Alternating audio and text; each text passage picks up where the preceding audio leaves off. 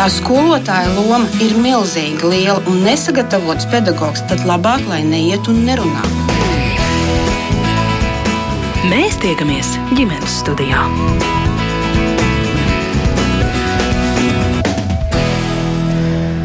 Labdien! Es priecājos sveicināt jūs visus rādījumu ģimenes studijas klausītājus. Mans vārds ir Agnēs Linka, un šī rādījuma producente ir Ilza Zvaigzne. Šobrīd Latvijā veidojas situācija, kad jaunie vecāki ir pakļauti negaidītām finansiālām grūtībām, kas var radīt problēmas uzturēt ģimeni un sekt visus strauji augošos komunālos un citus maksājumus. Rezultātā ir jāizvēlas, kuru rēķinu maksāt, kuru nē, krājot parādus. Tas visdrīzāk atstās ietekmi arī uz lēmumiem par ģimenes pieaugumu nākotnē un demogrāfisko situāciju valstī kopumā. Ar šādu pamatojumu vietnē Mana balss LV pirms laika tika iesniegta iniciatīva par vecāku pabalsta indeksēšanu, lai atbalstītu tās ģimenes, kurās šobrīd viens no vecākiem ir bērnu kopšanas atvaļinājumā, tātad rūpējas par mazuli.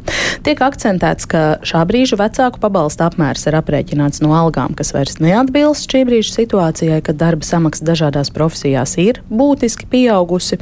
Tāpat jāņem vērā, ka inflācija ir rekorda augsta un ekonomiskā situācija valstī kopumā krasi un negaidīti mainījusies. Tāpēc nepieciešams nekavējoties indeksēt un veikt pārreķinu vecāku pabalstu apmēram, lai tas būtu reālai situācijai atbilstīgs, tā pauž iniciatīvas autori. Arī daudzu ģimeņu finansiālajai situācijai inflācijas rezultātā pasliktinoties atsākas eh, jau iepriekš bijusi aktuālā diskusija par jauno vecāku iespējām un nepieciešamību strādāt, piestrādāt, esot bērnu kopšanas atvaļinājumā.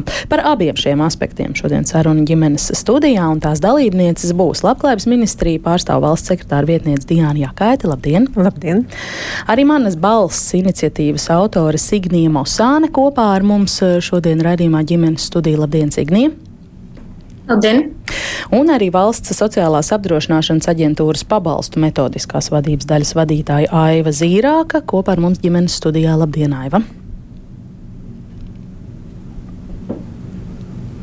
Vai Aiva Zīrāka mūs arī dzird?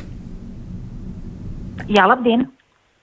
Labi, patīkami, priecājos. Jā, un pēc brīža mūsu sarunai pievienosies arī mamma, kas šobrīd auklē mazuli. Tātad viņa atrodas bērnu kopšanas atvaļinājumā. Man kolēģi radioproducente Ieva Zeiza un arī jūs klausītāji varat pievienoties šai sarunai, ja ir kas sakāms, pieredze, komentāri, kādi jautājumi speciālistiem vai varbūt piemēri, kā ir mainījusies, varbūt sarežģījusies jūsu ģimenes finansiālā situācija, tīpaši, ja šobrīd kāds no jums atrodas bērnu kopšanas atvaļinājumā, pastāstiet par to, atrakstiet ģimenes studijai, kā alaži sūtot mums ziņas no Latvijas radio mājaslapas.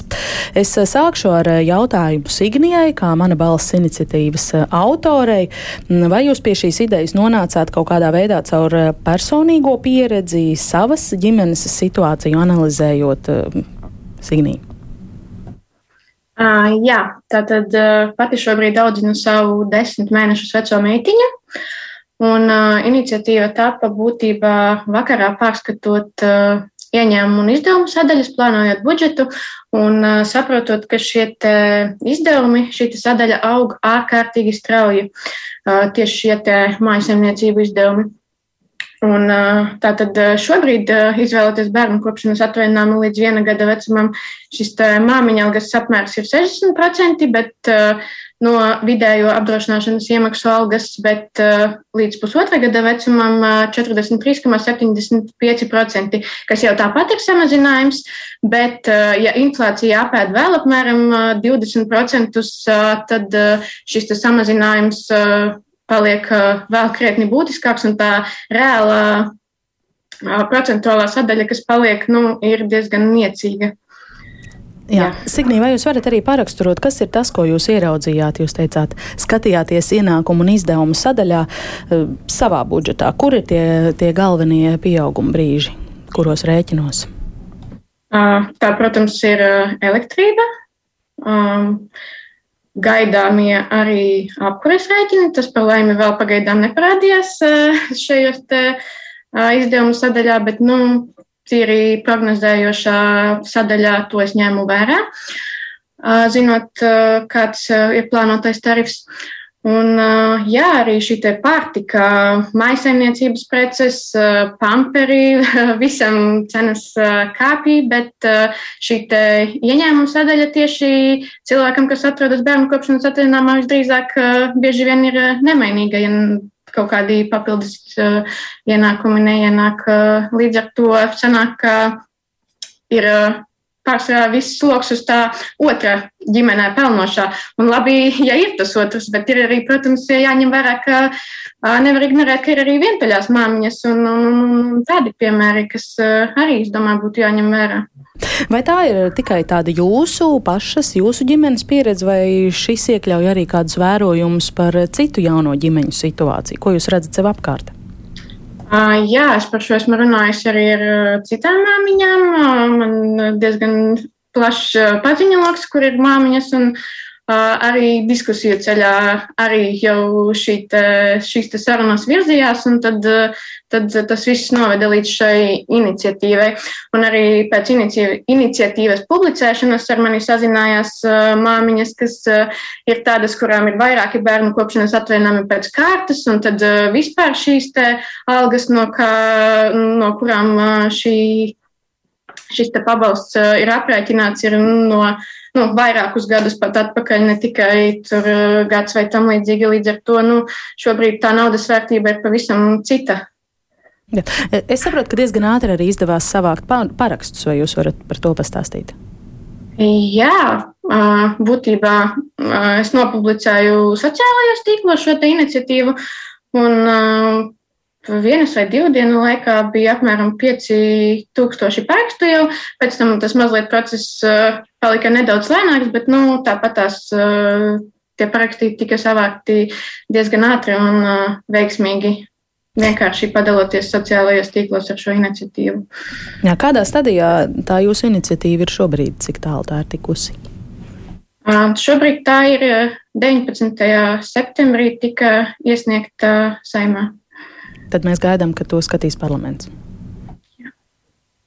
Vai jūs arī esat uh, domājusi, rēķinājusi, cik liels varētu būt tas guvums, kas no bērnu kopšanas pabalsta indeksācijas varētu tikt uh, ģimenei? Es nezinu, procentuāli vai varbūt absolūtos skaitļos jūsu ģimenes gadījumā. Nu, ir uh, jāskatās, kāds indeks tiktu izmantots. Ja tas ir patēriņa cenu indeks un šī inflācija, tad ir jāņem vērā arī kāds periods tiktu ņemts par pamatu šiem aprēķiniem, kurā skatītu šo inflāciju. Un, nu, es nezinu, tad varētu būt kādi pieļauju 15, 20%, par kuriem šis māmiņa algas apmērs varētu palielināties. Vai tas sektu tās pieaugušās izmaksas un vajadzības? Nu, pabalsts eh, noteikti, ka pilnībā to nesektu, bet, nu, pabalsta mērķis pilnībā arī nu, nav to visu sekt. Protams, mums arī pašiem, kā uh, ir tajā visā jāiesaistas, bet uh, tomēr tas būtu kaut kāds pienesums un uh, atbalsts uh, ģimenēm, es domāju. Signi, jūs arī e, iniciatīvas aprakstā pamatojat, ka no šī būtu guvums arī visai sabiedrībai. Varbūt jūs varat e, pateikt arī tagad to, ko no šī iegūtu visa sabiedrība. Uh, nu, māmiņa alga nu, nav pabalsts, ko izmaksā tāpat vien visiem, un tas ir strādājošiem uh, cilvēkiem, kas ir godīgi maksājuši nodokļus, iepriekš bijuši pelnoši un šobrīd tikai uz kaut kādu posmu. Uh, tā kā nestrādā, un vēlāk viņi atkal atgriezīsies darbā, atkal strādās un nesīs šo pienesumu. Un tas, ka šo periodu, gadu vai pusgadu, viņi var justies droši, nevis ar krāsu šo finanšu līdzekļu izmaiņām, tad nu, tā, tā būtu arī motivācija godīgi maksāt nodokļus un paļauties uz to, ka, ka tas nodrošinās stabilitāti arī pašam. Šobrīd teiksim paldies ģimenes studijā mana balss iniciatīvas autorei Signijai Mosānai. Paldies jums, ka izklāstījāt uh, savu iniciatīvu. Vērsīšos pie Labklājības ministrijas pārstāvis valsts sekretāra vietniece Diāna Jākaita. Kāds uh, Labklājības ministrijas vērtējums šai ierosmei? Um, Labklājības ministrija šo ierosmi vērtē mazliet tomēr piesardzīgi. Uh, protams, ideja ir saprotama un, un, un pēc savas būtības uh, mērķis ir skaidrs un, un labs, bet uh, ir daži bet, ko es arī gribētu mazliet akcentēt. Nu, Vispirms es gribēju uzsvērt, ka vecāki periodā, kamēr viņi ir kopā ar bērnu, kamēr uh, auklē audzina savu bērniņu, tātad līdz pusotra gada vecumam vai līdz gada vecumam, kā vecāks izvēlas, saņem gan bērnu kopšanas pabalstu, kas ir standarts uh, 171 eiro, gan vecāku pabalstu, kas tātad ir atkarīgs no vecāka iepriekš veiktajām uh, iemaksām. Tātad, uh, ko es gribēju šeit uzsvērt, ka uh, aptuveni 18 līdz 20% vecāku nesaņem vecāku pabalstu. Tas nozīmē, ka šī iniciatīva būtu vērsta tikai uz daļu no vecākiem, un tas, mūsuprāt, tomēr nebūtu taisnīgi. Ja mēs skatāmies, ka 171 eiro to saņem ik viens vecāks, kurš rūpējas par, kurš ir bērnu kopšanas atvaļinājumā un rūpējas par, par bērnu. Tas ir viens aspekts, ko es gribēju pateikt, jo mūsuprāt, ja ir kāda iniciatīva, kur ir vērsta tieši uz atbalstu vecākiem, tad tā būtu tomēr jāvērš uz nu, lielāko daļu vai, nu, principā visiem vecākiem. Nu, 20% ir viena piektā, četras piekdaļas nu, ir lielākā daļa. Liels, jā, mm. jā. Un arī vēl, ja mēs skatāmies vispār no indeksācijas viedokļa, tad priešlikums ir mazliet nesamērīgs arī pret to, ka, pieņemsim, arī pensijas, jā, mēs indeksējam tikai daļu no pensijas, nevis pieņemsim visu visu pensiju. Tad šajā gadījumā priekšlikums ir indeksēt visu pabalstu, arī tā skaitā tos, kas ir, nu, gana augsti. Uh, nu, tātad varbūt, ka priekšlikumā vienkārši nebija tik detāli tas atrunāts, bet uh, tomēr tā ir nianse, ka uh, mēs arī, nu, skatoties vispār indeksācijas ideju, jāskatās samērīgums arī pret uh, pārējām mūsu sabiedrības grupām. Un tad, protams, arī Ja mēs vispār skatāmies, kā tiek aprēķināts vecāku pabalsts, tad jāsaka tā, ka visiem pabalstiem nav vienāds aprēķina, nu, nu, aprēķina nosacījumi. Tad attiecībā uz vecāku pabalstu šie nosacījumi ir diezgan uh, nu, tādi veidoti motivējoši, jo mēs aprēķinot vecāku pabalstu skatāmies ne tikai darba algu, bet visus ienākumus. Tātad arī, ja ir bijušas kaut kādas vai nu uh, piemaksas vai, vai prēmijas vai kādi citi atbalsta maksājumi cilvēkam nodarbinātības uh, periodā, tie visi tiek ieskaitīti. Tas uh, nu, ir tāds diezgan. Uh, pozitīvs, tā sakot, attiecībā uz vecākiem aprēķina nosacījums.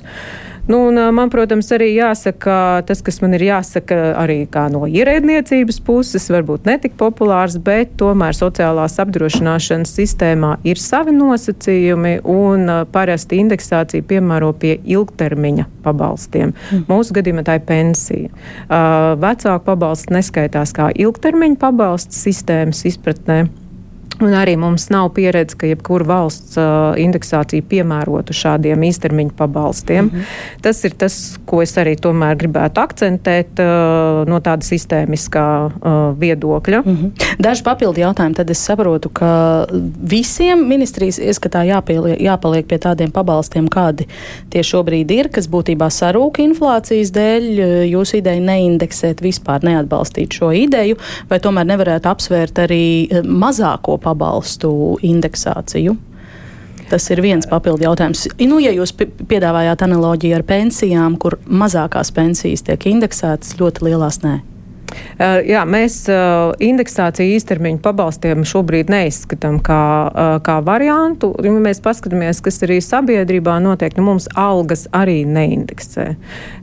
Tur ir Alga savi... vienkārši pieliek. nu, kā kuram. Bet, nu, prātīgi, gudri darba devēji šobrīd algas pieliek. Pagaidām, ja mēs skatāmies, algas pieaugums neskrien līdz inflācijai, un tur ir arī savi ekonomiski ap, apsvērumi, kādēļ tā tas notiek un kādēļ tam tā arī jānotiek. Bet, mm. līdz Līdz ar to tas nozīmē, ka nu, pieaugot inflācijai, tas nemaz, nemaz nav pareizi, ja pilnīgi visi mūsu ienākumi automātiski pieaug tikpat uh, strauji. Jā, mums ir jābūt pirktspējai, mums ir jā, jāsilda sava ekonomika, bet uh, nu, tam ir jābūt diezgan labi pārvaldītam, ko indeksē, ko nē. Mēs skatāmies uz to, ka ir citi citi instrumenti, kas palīdz un atbalsta ģimenēm. Mm. Un uz tiem arī būtu jāstrādā mūsu izpratnē. Tas pats bērnu kopšanas pabalsts. Ja? Tas apmērs šim pabalstam nav pārskatīts no 14. gada. Šie tas 171 eiro. Vai jā. ir kādas indikācijas, ka tas varētu tikt pārskatīts tagad, uh, kad šobrīd, mums ir jāgatavojas šai apkurses sezonai? Uh, pagaidām šādas diskusijas vēl nav bijušas, bet tas ir uh, vienmēr iespējams šo jautājumu arī pacelt. Un, uh, mēs arī mazliet tādu aprēķinu veicām, nu, ja, piemēram, palielina šo pabalstu līdz nu, 200 eiro, tad tas varētu nu, izmaksāt valsts budžetam aptuveni līdz 12 miljonu eiro, bet tas ir gadā, gada summa, mm -hmm. es saucu. Uh, tas ir tāds nu, tīri matemātisks aprēķins. Ja vispār par to kādreiz iet uh, runa, tad ir arī jārēķinās, ka, protams, tie ir arī nu, jāpalielina arī valsts izdevumi uz to. Un, uh, Mēs šo instrumentu redzētu kā vairāk atbalstošu, jo tas uh, būtu mērķēts uz vairāk uh, ģimenēm. Līdz ar to tas mums šķiet būtu piemērotāks. Bet, uh, ja mēs kopumā skatāmies, es uh, uzreiz arī gribēju izmantot iespēju pateikt, ka Arī iniciatīvas iesniedzēja ļoti labi arī minēja, ka tas satrauc jebkuru sabiedrības locekli, kas notiks ar elektrības rēķiniem, kas notiks ar apkurs rēķiniem. Nu, ikvienam tas jautājums ļoti rūp un ir skaidrs, ka tas viss maksās vairāk un pirmos rēķinus cilvēki arī jau saņem. Bet nu, vai jaunās un, ģimenes vai jaunie vecāki bērnu kopšanas atvaļinājuma laikā tomēr nav vairāk nepasargāti? Ja pensijas, jā. nelielās pensijas kaut kādā mērā indeksē, ja tas, kurš ir darba tirgū, var iet pie sava darba devēja un teikt, man rēķina aug, ja tu gribi, lai es turpinu strādāt, tad uh, pieliec man pie algas. Ko tad šajā gadījumā var uh, māmiņa, kas ir bērnu kopšanas atvaļinājumā? Tas ir tas, ko es arī gribēju pateikt, ka ir tomēr arī uh, valsts atbalsta iedzīvotājs, tā skaitā jebkuru no mums uh, caur citiem šobrīd instrumentiem. Ja mēs skatāmies tieši uz elektrības rēķiniem un apkurs rēķiniem. Nu, tie ir uh, atbalsta pasākumi, ko jau diezgan daudz ekonomikas uh, ministrija ir arī stāstījusi, un uh, kas attieksies gan automātiski iedzīvotāju rēķinos, gan tas pats oikas uh, nepie, nepiemērošana elektroenerģijas iz, elektrības izdevumiem. Tas viss uh, ir mērķēts nevis uz kādu vienu sabiedrības daļu, bet uz mums visiem, un tas, protams, arī ietekmēs un, un, un nebūs tāds liels spiediens uh, uz jebkuru pabalstu nu, saņēmēju. Tas, ka pabalstu pārskatīšana cik pa laikam ir jāveic, tas ir skaidrs, bet attiecībā uz vecāku pabalstu, nu, tur, uh, ja mēs salīdzinām, tad tā situācija nav pati smagākā. Mm. Labi, šobrīd eh, pieslēgsim mūsu sarunai arī Ievu Zeizu. Ieva ir eh, māma, kas šobrīd auklē mazuli, atrodas bērnu kopšanas eh, atvaļinājumā. Sakritības pēc arī mana kolēģa radio producente Sveika, Ieva! Jā, vai tu vari paraksturot uzreiz, kā tas ir jūsu ģimenē, kā ir mainījusies jūsu mājasēmniecības ienākuma izdevuma bilance kopš esi bērnu kopšanas atvaļinājumā? Nav noslēpums, ka vislielākais procentuāli ienākumu kritums skar šajā laikā tieši tos cilvēkus, kas ir pelnījuši nedaudz vairāk. Uh, Ar kādu prognozi jūs arī gaidāt šo ziemu, apkuras sezonu un kādas pārdomas, kurus no argumentiem no ministrijas pārstāvis tu varbūt pieņem un kam tev ir kādas iebildes? Uh, Iebilžu arī ir diezgan, diezgan daudz, bet, ja skatās uz manu situāciju, nu, um, līdz bērnu kopšanas atvaļinājumam, uh, man zināmā mērā pabeigās, un man bija iespēja uh, papildus uh, piestrādāt, kas, protams, uh, nu, tā latviski sakot, mazliet uzkačāt manu pabalstu. Un, uh, tas joprojām ir mazāks par to, ko es būtu saņēmusi, ja turpinātu strādāt. Tas ir aptuveni uh, 17% uh, zem tā, ko es saņemtu, nu, tie tie algām. Bet, Uh, protams, ko jau teica māma, kas rakstīja iniciatīvu, nu, uz inflācijas fonds izskatās vēl bēdīgāk, un uh, ja tad, kad es uzzināju, ka es esmu stāvoklī un uh, mēs skatījāmies uz to ciparu, kas ir aptuveni, varētu būt likās, nu, nu, nebūs tā, ka baigi ērti, bet būs ok. Uh, tad šobrīd, gaidot ziemu, uh, redzot to, cik. Uh, neprognozējami patiesībā ir tie rēķini. Mūsu gadījumā mēs arī esam viena no tām jaunajām ģimenēm, kurām ir uh, hipoteka, kas nu, nav, nav arī pārāk maza. Mums attiec arī, protams, Eiropas bankas um, lēmumu par, par, par procentu likmēm. Un mēs gaidām, ka mums pārskatīs procentu likmi, un tas uh, pieaugums arī tur būs diezgan liels. ne tikai elektrība un, un citi komunālie maksājumi. Uh, tā kā, nu, patiesībā ir ļoti, ļoti grūti budžetēt uh, šobrīd uh, tos, to izdevumu sadaļu un saprast, kas mums, vai mums vispār kaut kas pāri paliek, vai mums pietiek un tā.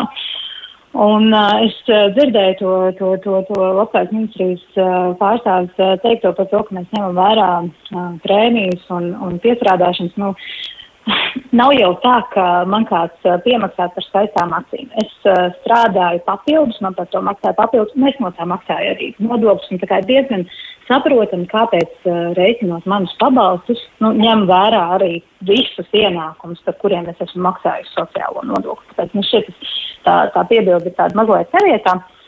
Um, nu, man pašai šķiet, ka pareizi būtu, tā kā ministrs pārstāv teica, skatīties uz tieši bērnu kopšanas pabalstu, nevis varbūt tieši vecāku pabalstu um, pārskatīšanu, jo tas tiešām šausmīgi jau pārskatīt, viņš ir smieklīgs un tas trāpītu visiem, jo es arī atļāvos parunāties ar, ar dažādām um, pārsvarām mamām, kas uh, atrodas šobrīd bērnu kopšanas atvaļinājumos Tās situācijas ir dažādas, un uh, mēs, protams, zinām, ka grūtniecība ir tāda lieta, ko mēs varam plānot, bet, nu, uh, tas tā notiek, tad, kad tas notiek, un, uh, un nevienmēr tas ir gluži ideālajā momentā, un, un nevienmēr tā finansiālā puse ir varbūt tās tajā brīdī uh, perfekti sakārtota, un var gadīties, ka iepriekš cilvēks kaut kādu momentu bija pie darba, veicina man priekšnieks fonā.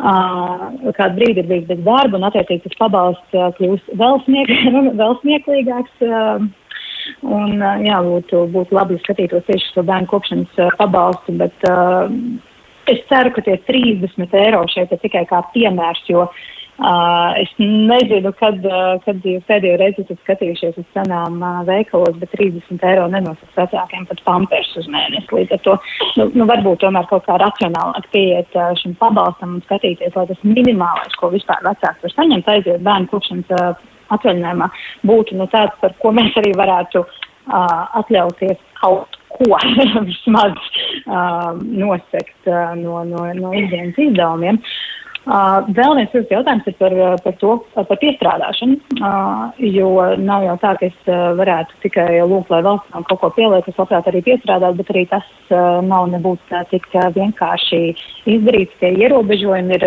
gan, gan nozīmīgi un arī brīžiem nesaprotami, kāpēc ir tā un skatoties uz kaimiņiem, uh, parasti pārņem mazliet uh, par to, ka tā sistēma tomēr citur ir labāka un orientēta uz uh, gal galā to, to cilvēku, uz kur tā sistēma strādās, uz jauniem vecākiem. Mm, jā, papildus eh, piepelnīties bērnu kopšanas atvaļinājuma laikā par šo mēs pēc maza brīža arī sāksim atsevišķu sarunu. Ja, priekšnieks vēl ļauj, es gribētu pavaicāt arī, ko tu domā par mm, argumentu, ka mums ir jābūt solidāriem, jo gal galā visa sabiedrība šodien cie, eh, šobrīd cieš un visticamāk arī eh, ziemai pienākot cietīs vēl lielākas grūtības. Būs citi instrumenti, kā valstī atbalstīt iedzīvotājus, tā skaitā jaunās ģimenes, un tāpēc šis te īslaicīgais pārējums pabalsts, bērnu kopšanas pabalsts un vecāku pabalsts nav jāindeksē? Nu, es zināmā mērā, protams, saprotu, ka mums ir jā, jādomā par visiem, bet šeit atkal man šķiet, ka um, drusciņi valstī ir jādomā arī par to, ka nu, man domājot par demogrāfisko situāciju, valstī ir arī jāgrib uh, un jānodrošina iespēja, ka es aiziešu vēlreiz tajā bērnu kopšanas atvaļinājumā.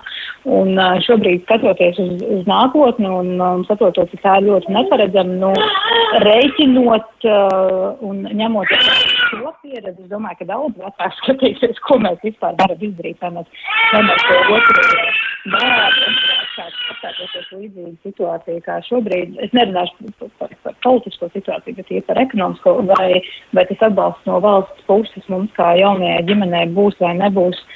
Nu, droši vien, ka liks padomāt. Un līdz ar to tādai ilgtermiņa politikai, man tomēr liekas, ka jaunie vecāki varbūt nu, ir mazliet, mazliet svarīgi valstī, valsts nākotnē kopumā būtu par to vairāk jādomā. Mm, jā, labi. Pamierini priekšnieku drusku, bet neatslēdzies. Lūdzu, vēl, ja var lūgt, es palasīšu arī nedaudz klausītāju komentārus. Ilza mums raksta fakts, ka māmiņu alga ir tikai 60 un 43% neveicina demogrāfiju. Paldies par iniciatīvu. mm, jā, kāds jautājums Labklājības ministrijas pārstāvē, kāds ir risinājums jaunajiem vecākiem, jo pabalsts nav pacelts kopš kura gada, bet pensijas indeksē katru gadu. Ilva rakstā, ka ierēdnē nav taisnība, visus ienākumus neskaita vecāku pabalstā, piemēram, autora atlīdzības neskaita tādā apmērā. Madara raksta, esmu savā otrajā bērnu kopšanas atvaļinājumā. Mans pabalsts ir aprēķināts no tās algas, kāda man bija pirms gandrīz trim gadiem. Trešo bērnu šobrīd plānot nevar, jo jāatgriežas darbā, lai palielinātu savus ienākumus. Pie šī brīža inflācijas ar pabalstu var nepietikt. Un um, jā, vēl kāda klausītāja adresē Labklājības ministrijas pārstāvēja savu sakāmo, es esmu bērnu kopšanas atvaļinājumā, ienākumi ir samazināti par 60% uz pusotru gadu tikai tāpēc, ka piedzima mazulis, kad bērns tika ieņemts. Nebija nekādas indikācijas par šādu inflāciju vajadzētu nolaisties no saviem augstumiem. Diana, vai ir kādas replikas varbūt par Rievas vai klausītāju teikto? Jā, nu, protams, ir. Es arī esmu sabiedrības loceklis un ļoti labi saprotu lietas. Arī veikalā eju un iepērkos, un cenas es uh, redzu. Kā, uh, ar to viss ir kārtībā. Bet, uh, nu, klausoties argumentus, es vairāk sadzirdu, ka ne jau inflācija, es atvainojos, nevis indeksācija, tas risinājums, kas tiek meklēts, ka vairāk runa ir par tādām nu, sistēmiskākām izmaiņām, piemēram, kā tiek aprēķināts pabalsts 60 vai 43,75 no, no tātad iepriekšējās algas. Tātad tas ir tās sāpņu, sāpju patiesais cēlons, ko es sadzirdēju, un indeksācija, protams, pati pa sevi nu, neatrisinās problēmas, neatrisinās to, vai vecāki izvēlēsies vai neizvēlēsies laist vēl kādu bērniņu, bet Nu, drīzāk tiešām tie ir tādi sistēmiskāki par to, kā aprēķina pabalstu. Mūsu ieskatā Labklājības ministrija daudz arī runājusi par to, ka jā, ģimenes valsts pabalsta reforma šobrīd ir pietiekami dāsna un laba, bet tā ir vairāk vērsta uz daudz bērnu ģimenēm. Mūsu ieskatā tomēr ir ko padarīt, lai nu, tas atbalsts būtu arī samērīgs ienākot pirmajam bērniņam ģimenēm. Un uh, vēl arī, uh, bet, ko es gribēju min, pieminēt, ņemot vērā, kā, uh, nu, kā veidojas arī valsts sociālās apdrošināšanas budžets, no kura mēs varam maksāt tātad uh, arī pabalstus, nu, tas veidojas no mūsu iemaksām. Tātad, tik cik mēs iemaksājam, pēc tam arī tiek skatīts, nu, pēc šī visa tiek arī rēķināti mūsu pabalsti, kas vienā vai noteiktā situācijā pienākas. Un kas ir jāsaprot, ka brīdī, kad mēs mainām nosacījumus un veidojam dāsnāku, piemēram, paaugstina, ka pabalsts tiek aprēķināts 80% no veiktajām iemaksām, tas automātiski nozīmē, ka mums arī jāmaksā lielākas uh, valsts sociālās apdrošināšanas iemaksas, jo budžets viņš, viņš finan, tas finansējas no mūsu veiktajām iemaksām. Mainot nosacījumus, mainās arī tātad ienākuma daļa. Mhm. Jābūt kaut kādiem kompensējošiem mehānismiem. Nu, un, uh, vispār uh, valsts, es arī nevarētu īsti piekrist, ka citās valstīs ir labāk kā reiz esmu dzirdējusi pilnīgi citus argumentus. Igauņu kolēģi visu laiku runā par to, ka Latvijā ir labāk. Un arī nu, lietuviešu kolēģi arī, ja mēs skatāmies tuvākos kaimiņus, tā kā mūsu sistēma, negribētos teikt, ka tā ir uh, slikta vai neatbalsta vecākus. Protams, uzlabojumi vienmēr ir iespējami. Mm. Es domāju, ka tas, ko Ieva teica par to, ka kaimiņos kaut kas ir labāk attiecas uz to aspektu, pie kura es piedāvāju pāriet sarunas gaitā šobrīd, tas ir tas, kādas ir vecāku iespējas palīdzēt pašiem sev papildus piepelnīties, piestrādāt bērnu kopšanas eh, atvaļinājuma eh, laikā. Un eh, par šo runājot, kas arī droši vien būtu sistēmiskas izmaiņas, ja tādas tiktu rosināts vai virzītas, es beidzot pēc ilgas gaidīšanas, par ko atvainojos, varu dot vārdu valsts sociālās apdrošināšanas aģentūras pabalstu metodikas metodiskās vadības daļas vadītājai Aivai Zīrākai. Labdien, Aiva! Labdien. dzirdat mūs joprojām. Tas, ko es Jā. gribu lūgt jums eh, stāstīt un skaidrot, kas ir tas, ko šobrīd likums nosaka attiecībā uz vecākiem, kas atrodas bērnu kopšanas atvaļinājumā, vai ir kādas formas, eh, kādās ir atļauts piepelnīties, eh, piestrādāt, kāds ir tas regulējums? Nu, lūk, vecāku pabalsts tāpat kā ik viens sociālās apdrošināšanas pabalsts, tātad pabalsts, ko aprēķina no cilvēka uh, ienākumiem, no viņa uh, algas, ko viņš ir pelnījis, ir daļējs uh, ienākuma aizvietojums tajā laikā, uh, kad saņem šo te pabalstu. Vai tas būtu kopjot bērnu, kāds ir vecāku pabalsts, vai, vai slimības laikā slimības pabalsts un tā tālāk.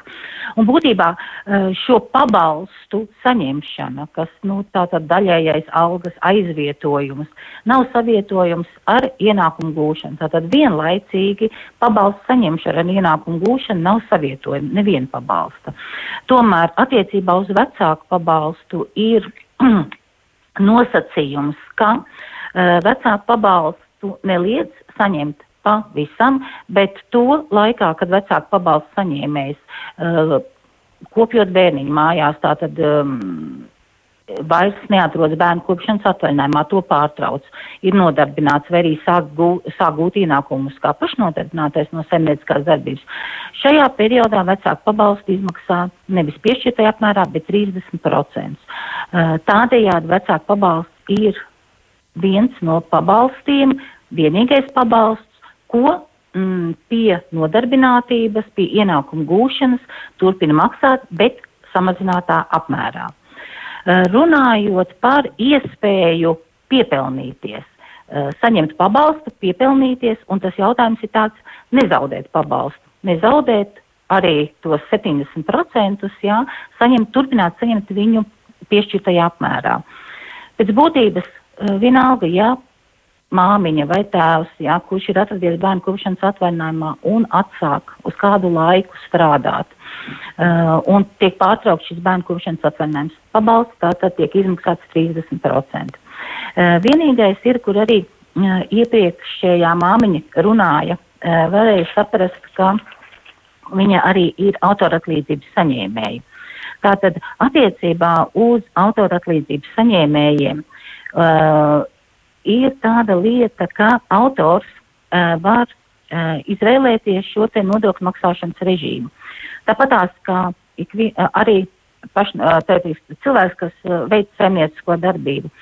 Un, uh, ja saimnieciskā darbība tiek reģistrēta, tātad valsts un dienestā, un cilvēks maksā tātad valsts sociālās apdrošināšanas obligātās iemaksas, šos visus nodokļus kā pašnodarbinātais, tad ir um, nosacījums tāds, ka gūstot ienākumus līdz um, minimālās algas apmēram, jāveic obligātās iemaksas tikai pensijas apdrošināšanai, kas ir 10%.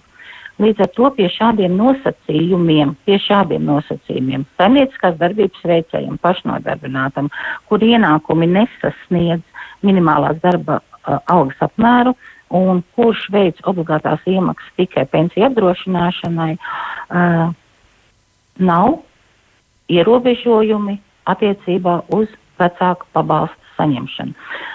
Runājot par pārējiem nodokļu maksāšanas režīmiem vai šim pašam pašnodarbinātai personai gūstot jau lielāks ienākums, kas ir virs minimālās darba algas un, un kur pienākums ir veikt obligātās iemaksas pilnā apmērā, līdz ar to apdrošināšana jau notiek, teiksim, visiem sociāliem riskiem, izņemot tikai bezdarba gadījumu, pašnodarbinātā gadījumā un nelaimes gadījums darbā. Tātad ienākums, tātad saņemt vecāku pabalstu piešķirtajā apmērā nevar. Tas tiek izmaksāts 30%. Tāpat autoram izvēloties šo te īpašo autoru uh, atlīdzības režīmu, kad obligātās iemaksas un visas citas nodokļus autora vietā veids autora atlīdzības izmaksātājs, uh, te, šīs te valsts sociālās apdrošināšanas obligātā iemaksa likme arī atbilst pašnodarbinātā likmē pilna, pilnā apmērā, kas ir 31 0,07%, un šādā veidā autoratlīdzības saņēmējs arī tiek apdrošināts visiem riskiem, kā pašnodarbināta persona, tas ir pensijai, maternitātes gadījumam, paternitātei, slimībai, invaliditātei, vecāku apdrošināšanai, un arī izvēloties šādu nodokļu maksāšanas režīmu, nereģistrējot sev kā pašnodarbinātu personu un pats par sevi eh, neveicot šīs te eh, obligātās iemaksas, neveicot nodokļu nomaksas, ja, pie šāda režīma Eh, kas ir vairumā, ko autori izvēlās, jo tas ir ērtāk pašam autoram. dēļ tā, ka nav jāveic šī uzskaite. Vecāku pabalstu arī var saņemt tikai samazinātā apmērā, tātad saņemot autora atlīdzību, un tie ir 30%. Jā, pagaidām paldies par skaidrojumu. Gribu Diānai Jakaitei atkal vaicāt Labklājības ministrijas pārstāvē, kā ministrija vērtē šo regulējumu šī brīža situācijas kontekstā. Vai tas ir mm, piemērots, vai tādam tam jāpaliek, vai jūsu ideja varbūt arī ir kādas izmaiņas eh, virzīt, jo tā diskusija eh, sabiedrībā šobrīd ir aktualizējusies. Kāpēc jaunajiem vecākiem ir tik strikti ierobežojumi, lai papildus pelnītu? Tā, neatkarīgi no tā, kāda ir vai nav situācija šobrīd, uh, Aiva arī ļoti labi noakcentēja to, ka pats, pats pamatmērķis uh, dažādiem valsts sociālās apdrošināšanas pabalstiem ir ienākumu atvietojums. Tas nav papildu ienākums. Mm -hmm. Tas atvieto ienākumus, kurus tajā konkrētā brīdī uh, es neiegūstu darbu. Nu jā, bet tie ienākumi tiek bet, atvietoti 60 vai 43% jā, apmērā, un jo lielāka tava pēļņa ir bijusi, jo lielāks ir šis ienākumu kritums. Tad mēs runājam par jaunajām ģimenēm, kurām ir arī hipotekārie kredīti, tur tuvojas milzīgs, tiek prognozēts uh, procentu likmju kāpums un viss cits pārējais. Jā, jā, jā, to es. Mēs nevaram runāt atraut no šī brīža situācijas. Nē, mēs uh, tik līdz, jā, var var maksāt arī lielāku, bet tad ir jārunā par apdrošināšanas iemaksu paaugstināšanu. Tas ir savukārt jautājums, par ko sabiedrība negrib runāt. No vienas puses eh, lielāks pakalpojums, bet eh, mazāk samaks par šo pakalpojumu. Nu, tās ir divas eh, kā ūdens krūzes. Tur nevar gluži tā no vienas izliet un otrā neieliet. Līdz ar to nu, tā sistēma nestrādās. Bet, Uh, protams, jā, vecāki, jaunie vecāki ir bijusi viena no prioritātēm uh, jau vairākus gadus, un uh, ko es šajā, šeit tomēr gribētu noakcentēt mazliet citu aspektu, ka ir bijušas sarunas par to, ka atsākot nodarbinātību, vecāki varētu saņemt nevis 30% no pabalsta, bet lielāku daļu. Tas ir tikai un vienīgi demogrāfiska un vecāku atbalstoša mērķa ietverā. Bet šādas diskusijas daļu? ir bijušas. Ir bijušas Kādi? diskusijas par 50% no piešķirtā pabalsta, ka pie, turpina vai 70%. Mēs arī, jā, es arī gribēju pateikt, ka jebko, jebkurus ciparus, ko es nosaucu par pabalstu palielinājumu, protams, es jums tikai rādu matemātiku, cik tas maksā. Tas nenozīmē, ka, ka kaut vai tas pats priekšlikums par 171 eiro palielināšanu, cik tas izmaksāt, ja to palielina par div, uz 200 eiro. Tas bija tikai matemātika, cik maksā pabalstu palielināšana, ja to palielina par 30 eiro. Arī šeit es varu nosaukt ciparus. Uh, Tāds ļoti aptuvens aprēķins mums, protams, ir veikts, jāpalielina, pieņemsim, uz 50%, ka vecāks var turpināt saņemt, tad tie būtu aptuveni 5 nu, pie 6 miljoni eiro. Tā ir arī izlemšana un diskusija, kas būtu jārunā arī politiskā vidē, un jautājums par vecāku pabalsta lielākas daļas izmaksu ir arī valdības rīcības plānā. Mēs kā Labklājības ministrija šo jautājumu esam virzījuši arī budžeta procesā, bet eh, nu, šobrīd, acīm redzot, ir politiķi arī izsvēršies par citu prioritāšu atbalstu, nu, kaut vai tā skaitā ģimenes valsts mhm. -huh. atbalstu palielināšanu. Bet eh, tās sarunas ir.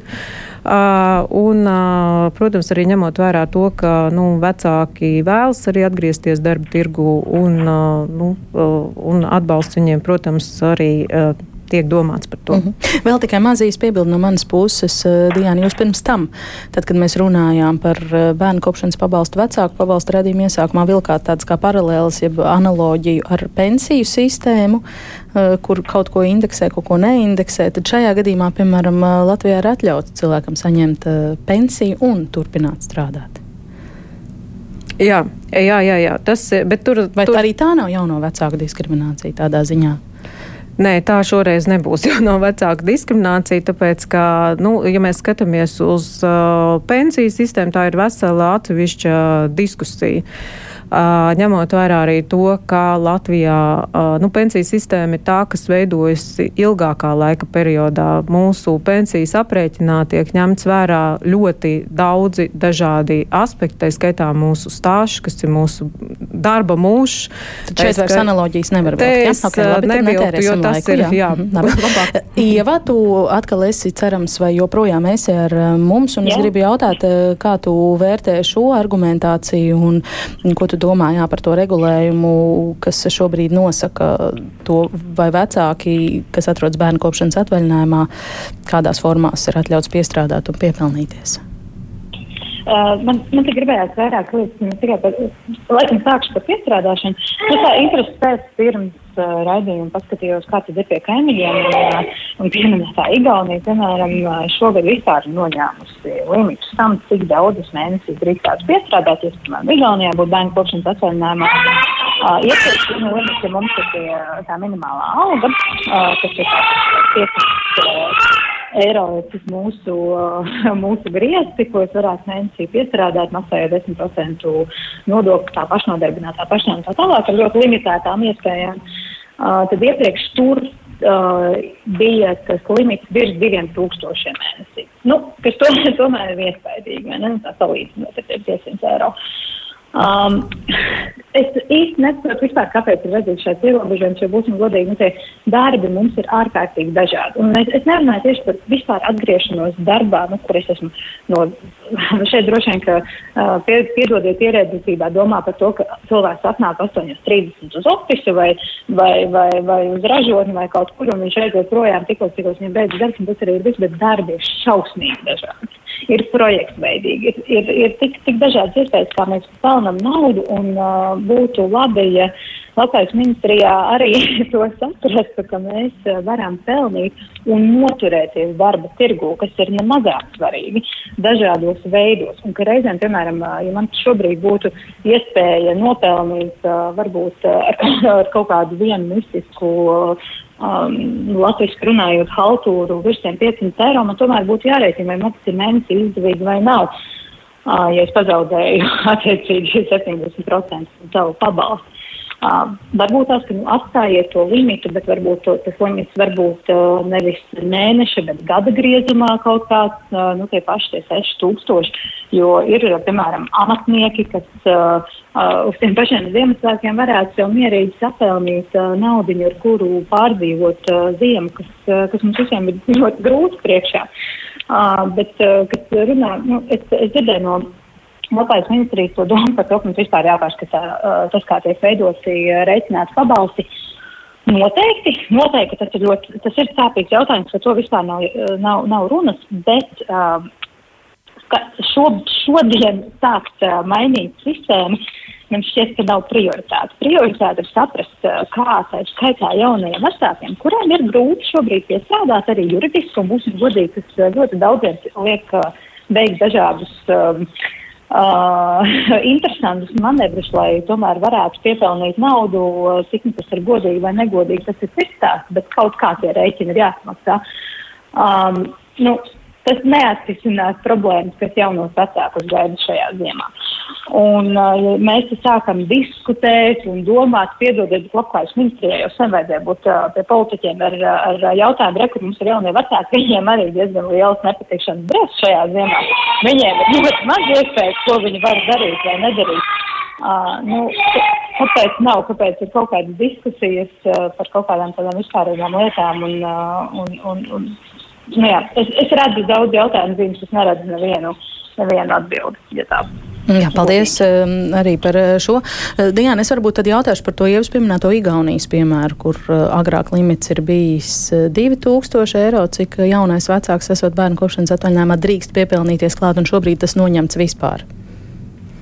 Mums nebija ziņa no, par to, ka tas ir noņemts vispār. To, protams, mēs pārstīsim, bet mēs tā viens pret viens ar Igauniju gluži nevaram salīdzināties. Igaunijā ir bišķiņi citādāk arī uh, uzskaiti, kā viņi seko līdz dažādām nu, darba, līgum, darba līgumiem un tā tālāk. Tāpēc tas uh, nebūtu korekti paņemt viens pret viens. Igaunijā varbūt citas lietas nestrādā tieši tā kā Latvijā. Ja tomēr to, tā ir ievērojama arī, atšķirība. ne, un arī, pieņemsim, mēs ejam uz to, lai, nu, es negribu salīdzināties šobrīd ar Igauniju, tāpēc, ka vai ir pētīts, cik ir, cik ir pabalsta apmērs un aprēķins, pieņemsim, Igaunijā. Šobrīd viņi to arī ir mainījuši, un mums bija ziņa, ka viņi iet uz samazinājumu. Tā kā, nu, viens pret viens, man liekas, tas būtu, nebūtu gluži korekti. Mums nav jāskrien līdz Igaunijai, mums jāsaprot savas vajadzības un vēlmes. Mm. Man ļoti žēl tiešām, ka nav sadzirdēts, ka Labklājības ministrija ir rosinājusi savus priekšlikumus. Vienkārši kaut kādā brīdī lēmumu pieņemšana vairs nav gluži ministrijas atbildība. Un, protams, jā, tieši šī iemesla dēļ, ka mm, vecāki strādā dažādās nodarbinātības formās, ir dažādas iespējas vecākiem to darīt un nevis piestrādāt, bet strādāt. Uh, tad uh, ir skaidrs, ka uh, tādai elastībai, protams, ir jābūt. Un tieši tāpēc mēs, uh, es saprotu, ka es varbūt neatbildu uz tieši tiem jautājumiem, ko vēlas sadzirdēt, bet es stāstu par to, ka ir ideja un ierosinājumi bijuši no Labklājības ministrijas arī par to, ka mēs, ka vecāki varētu saņemt lielāku daļu no vecāku pabalstu brīdī, kad viņi atsāk nodarbinātību.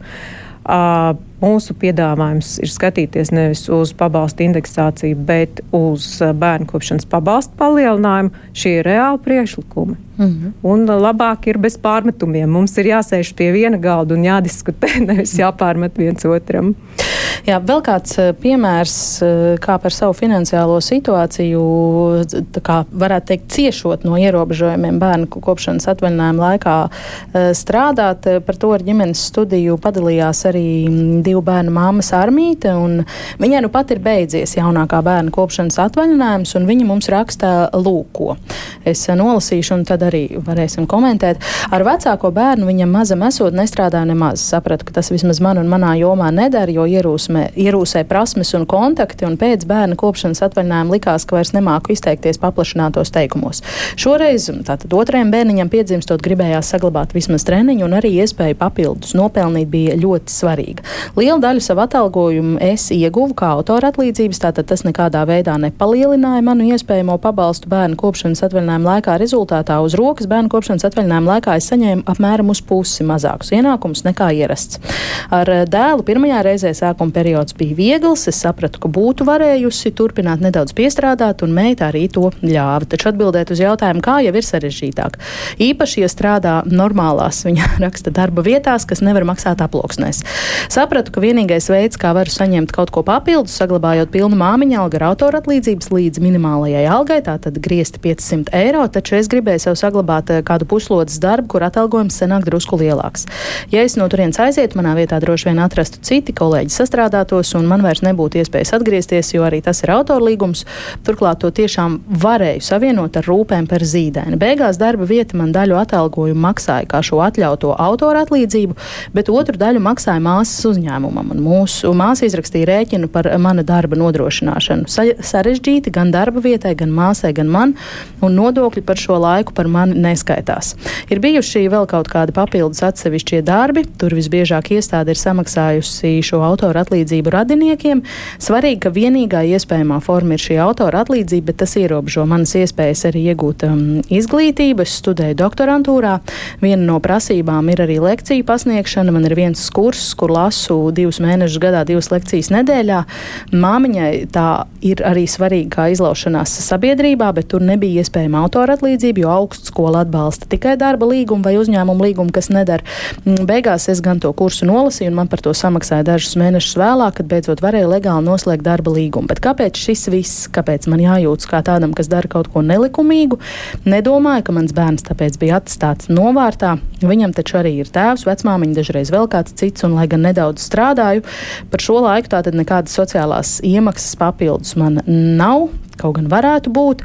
Vēl interesanti, ka zaudēju arī pilnu māmiņu algu par pēdējo mēnesi, jo man bērnu kopšanas atvaļinājumā mm, bija līdz mēneša, bērnu kopšanas atvaļinājums bija līdz mēneša vidum, un es pieņēmu, ka 20. datumā jau ir pieļaujams nopelnīt normālu autora atlīdzību, bet valsts sociālās apdrošināšanas aģentūra to atsevišķi neizdalīja un uzreiz man aprēķināja tikai 30% pabalstu par pēdējo pusmēnesi. Tāds uh, sarmīts stāsts. Dažas minūtes mums vēl ir atlikušas. Vispirms es varbūt mm, Aivai Zīrakai lūkšu komentēt to pēdējo aspektu. par to pēdējo norēķināto māmiņu algu. Un, um, kā mhm. VSA to varētu skaidrot, kāpēc tāda situācija? Uh, tieši grūti tagad uzreiz tā atbildēt, neredzot uh, konkrēto situāciju, bet pēc būtības, ja uh, māmiņai bērnu kopšanas atvaļinājums ir beidzies nu, mēneša vidū, nu, 15. datumā, beidzies, jā, jā, un uh, autora atlīdzība ir uh, saņemta, uh, vai arī šis autora darbs ir veikts pēc tam, kad, uh, teiksim, šis te bērna kopšanas atvaļinājums vairs nav, tātad arī mm, nav šis te vecāku pabalsts, vairs netiek saņemts, ja ir beidzies arī šis termiņš izlicējis, bērniņam ir pusotras gads uh, izpildījies, nu, tad attiecīgi uh, arī nevajadzētu būt, ka šim pabalstam būtu jābūt samazinātam, un ja tas tā ir noticis, tad uh, tomēr māmiņa varēja, va, var, varēja apstrīdēt šo te faktu. Iespējams, ka to vēl var darīt. Sapratām. Jā, uh, jā, tad, jā viņa jebkurā gadījumā var uh, rakstīt mums uh, un uh, arī apstrīdēt šo te faktu, lai pārskatītu, ja tiešām tas tā atbilst un ir, uh, nu, atbilst. Uh, jā. Sapratām nu, jūsu padomu, jā. paldies. Mm. Tiešām ļoti maz laika, Diana. Nu, vai šis piemērs neilustrē to, ka būtībā jau jaunie vecāki situācijai sarežģījoties šobrīd jau meklē un varbūt šodien vēl meklēs dažādus veidus, kā piestrādāt, it kā darot kaut ko nelikumīgu un jūtoties kā kaitnieki?